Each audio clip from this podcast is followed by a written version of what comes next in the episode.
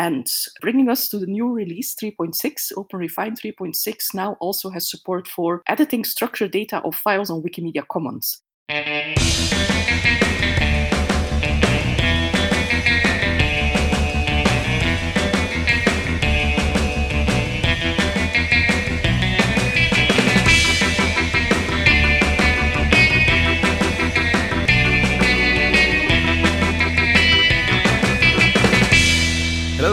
Welcome to Wikipedia Podden. This is a special episode, and today I'm joined by Sandra Fauconnier, who is the project director for OpenRefine and also part-time product strategist consultant for Wikimedia Sverige.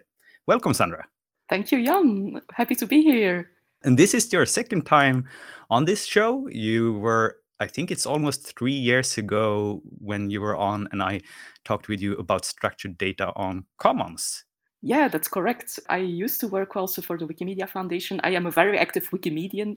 you didn't put that into my introduction, but I think that's good to say. Uh, uh, yes, yes. that, that's sort of implied if you're getting employed by a Wikimedia chapter, you're sort of like. Well, you never know, right? Ah, uh, but well, uh, yeah, but I worked on the project that integrates structured data into Wikimedia Commons. And now I'm back here because I'm also helping with tooling around that. So Yes, and, and I mentioned here first uh, that you were the project director for OpenRefine, and Fine, and the reason we're doing this episode today is that there was a new release, the version 3.6 of OpenRefine. So could you just give us a, like a, a brief introduction? Why should Wikimedians be happy about this release, and perhaps also shortly, like what is Open OpenRefine for people who don't know it yet? Open OpenRefine, people sometimes lovingly call it Excel or spreadsheets on steroids. It's an open source tool. It has been around for more than 10 years. You can download it for free and you can use it to work with data. Clean data, you know, transform data in many different powerful ways. It has a user interface. It's not a tool f- only for nerds, but it's just for general people who want to work with data.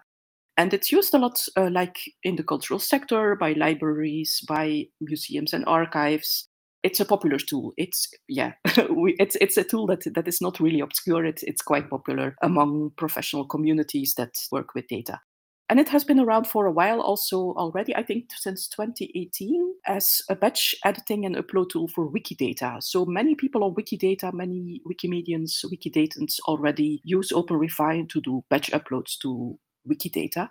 And bringing us to the new release 3.6, OpenRefine 3.6 now also has support for editing structured data of files on Wikimedia Commons. So it's not just for Wikidata anymore, but now also for Wikimedia Commons. And I hope many people will give it a try for that.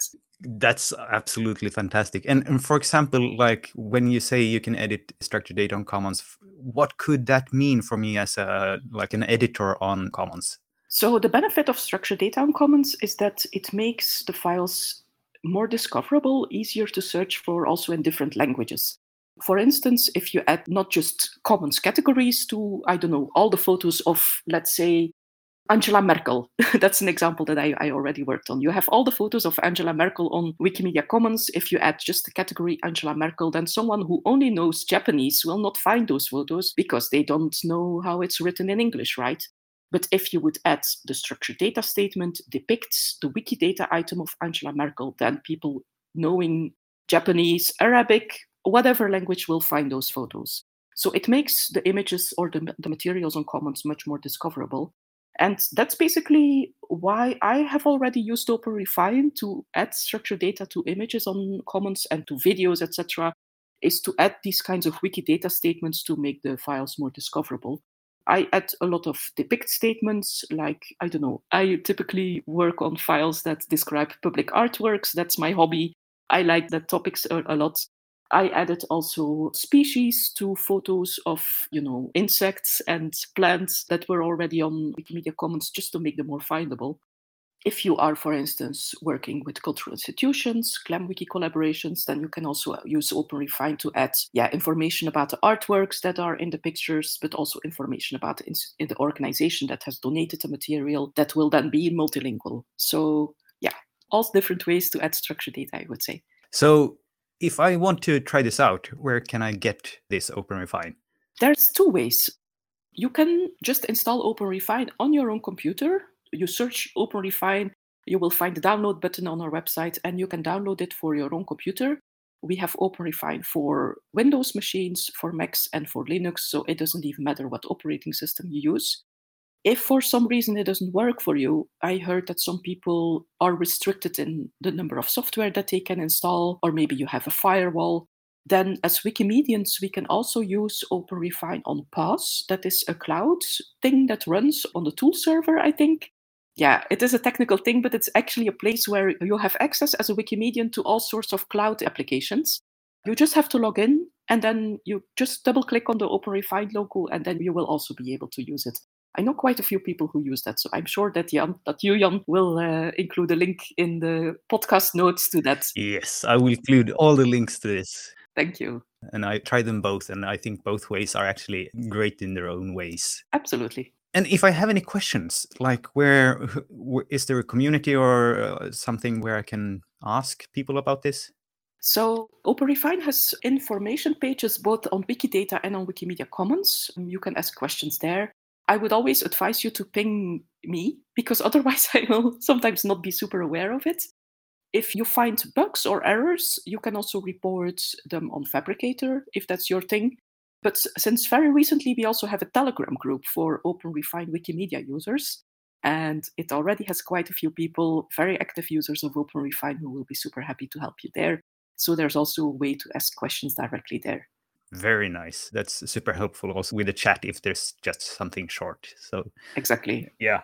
And I think that's like the big news for this, but I also think we have some teaser of things coming up. What are we looking forward to in the in the OpenRefine project related to Wikimedia specifically?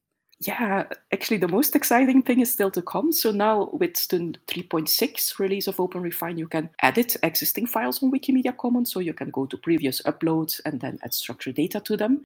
But we are actually very close to having a new version 3.7 of OpenRefine that will come hopefully by the end of October, where you can use OpenRefine as a batch uploader for Wikimedia Commons. Basically, as an alternative to Pattypan, it is a little bit more complicated than Pattypan, but still very, very doable for you know regular people like like you and me. And actually, a really good replacement to for people who are familiar with that the GlamWiki toolset. We used to have a really, really powerful upload tool, batch upload tool for cultural institutions, which was called the GlamWiki toolset. That one is not working anymore, and OpenRefine is going to fill that gap. So, in short, soon you will be able to batch upload files to Wikimedia Commons with OpenRefine and give it a try when the time is there. Very cool. And perhaps we should also inform people that if you want to be on the bleeding edge, you can actually already do this uh, by using something that is even before the beta. So you can download just the latest release if you go to where do you find that exactly? Yeah, so like many open source projects, you can, of course, download the official release, which is, you know, already tested, etc. But you can also download the code and the release that has been just built from the previous day. Like we call that a snapshot release. That's really the freshest code that is out there. It will work. I've never had any problems with it. You know, it can contain bugs, of course, but uh, you can just download that, download the snapshot release, and then if you use that, you can already try the upload functionality. It doesn't have all the whistles and bells yet, so it might still be a little bit complex to use, but you can do it. And I also prepared a document with instructions, so people are interested in, you know, doing the cutting edge thing, you can find Google Doc with instructions about that. Yeah, and that will also help for the coming release. If you encounter any bugs, uh, people yeah, can absolutely. report and make this thing better. Exactly, yes. Well, I think this will actually improve Commons quite a lot quite quickly. What are your expectations? So maybe I don't have so much expectations that's maybe a big word but i do have hopes that many people will quickly pick up doing uploads to wikimedia commons with structured data because it will not just help making the files more discoverable by people not using english or you know another european language it will make the files more discoverable but you will also be able to query the files more easily tool builders will be able to build more interesting things on top of the files because the data will be structured and it will be much easier to build tools on top of it. So yeah, I think it opens it's it's like opening Pandora's box, but in a good way.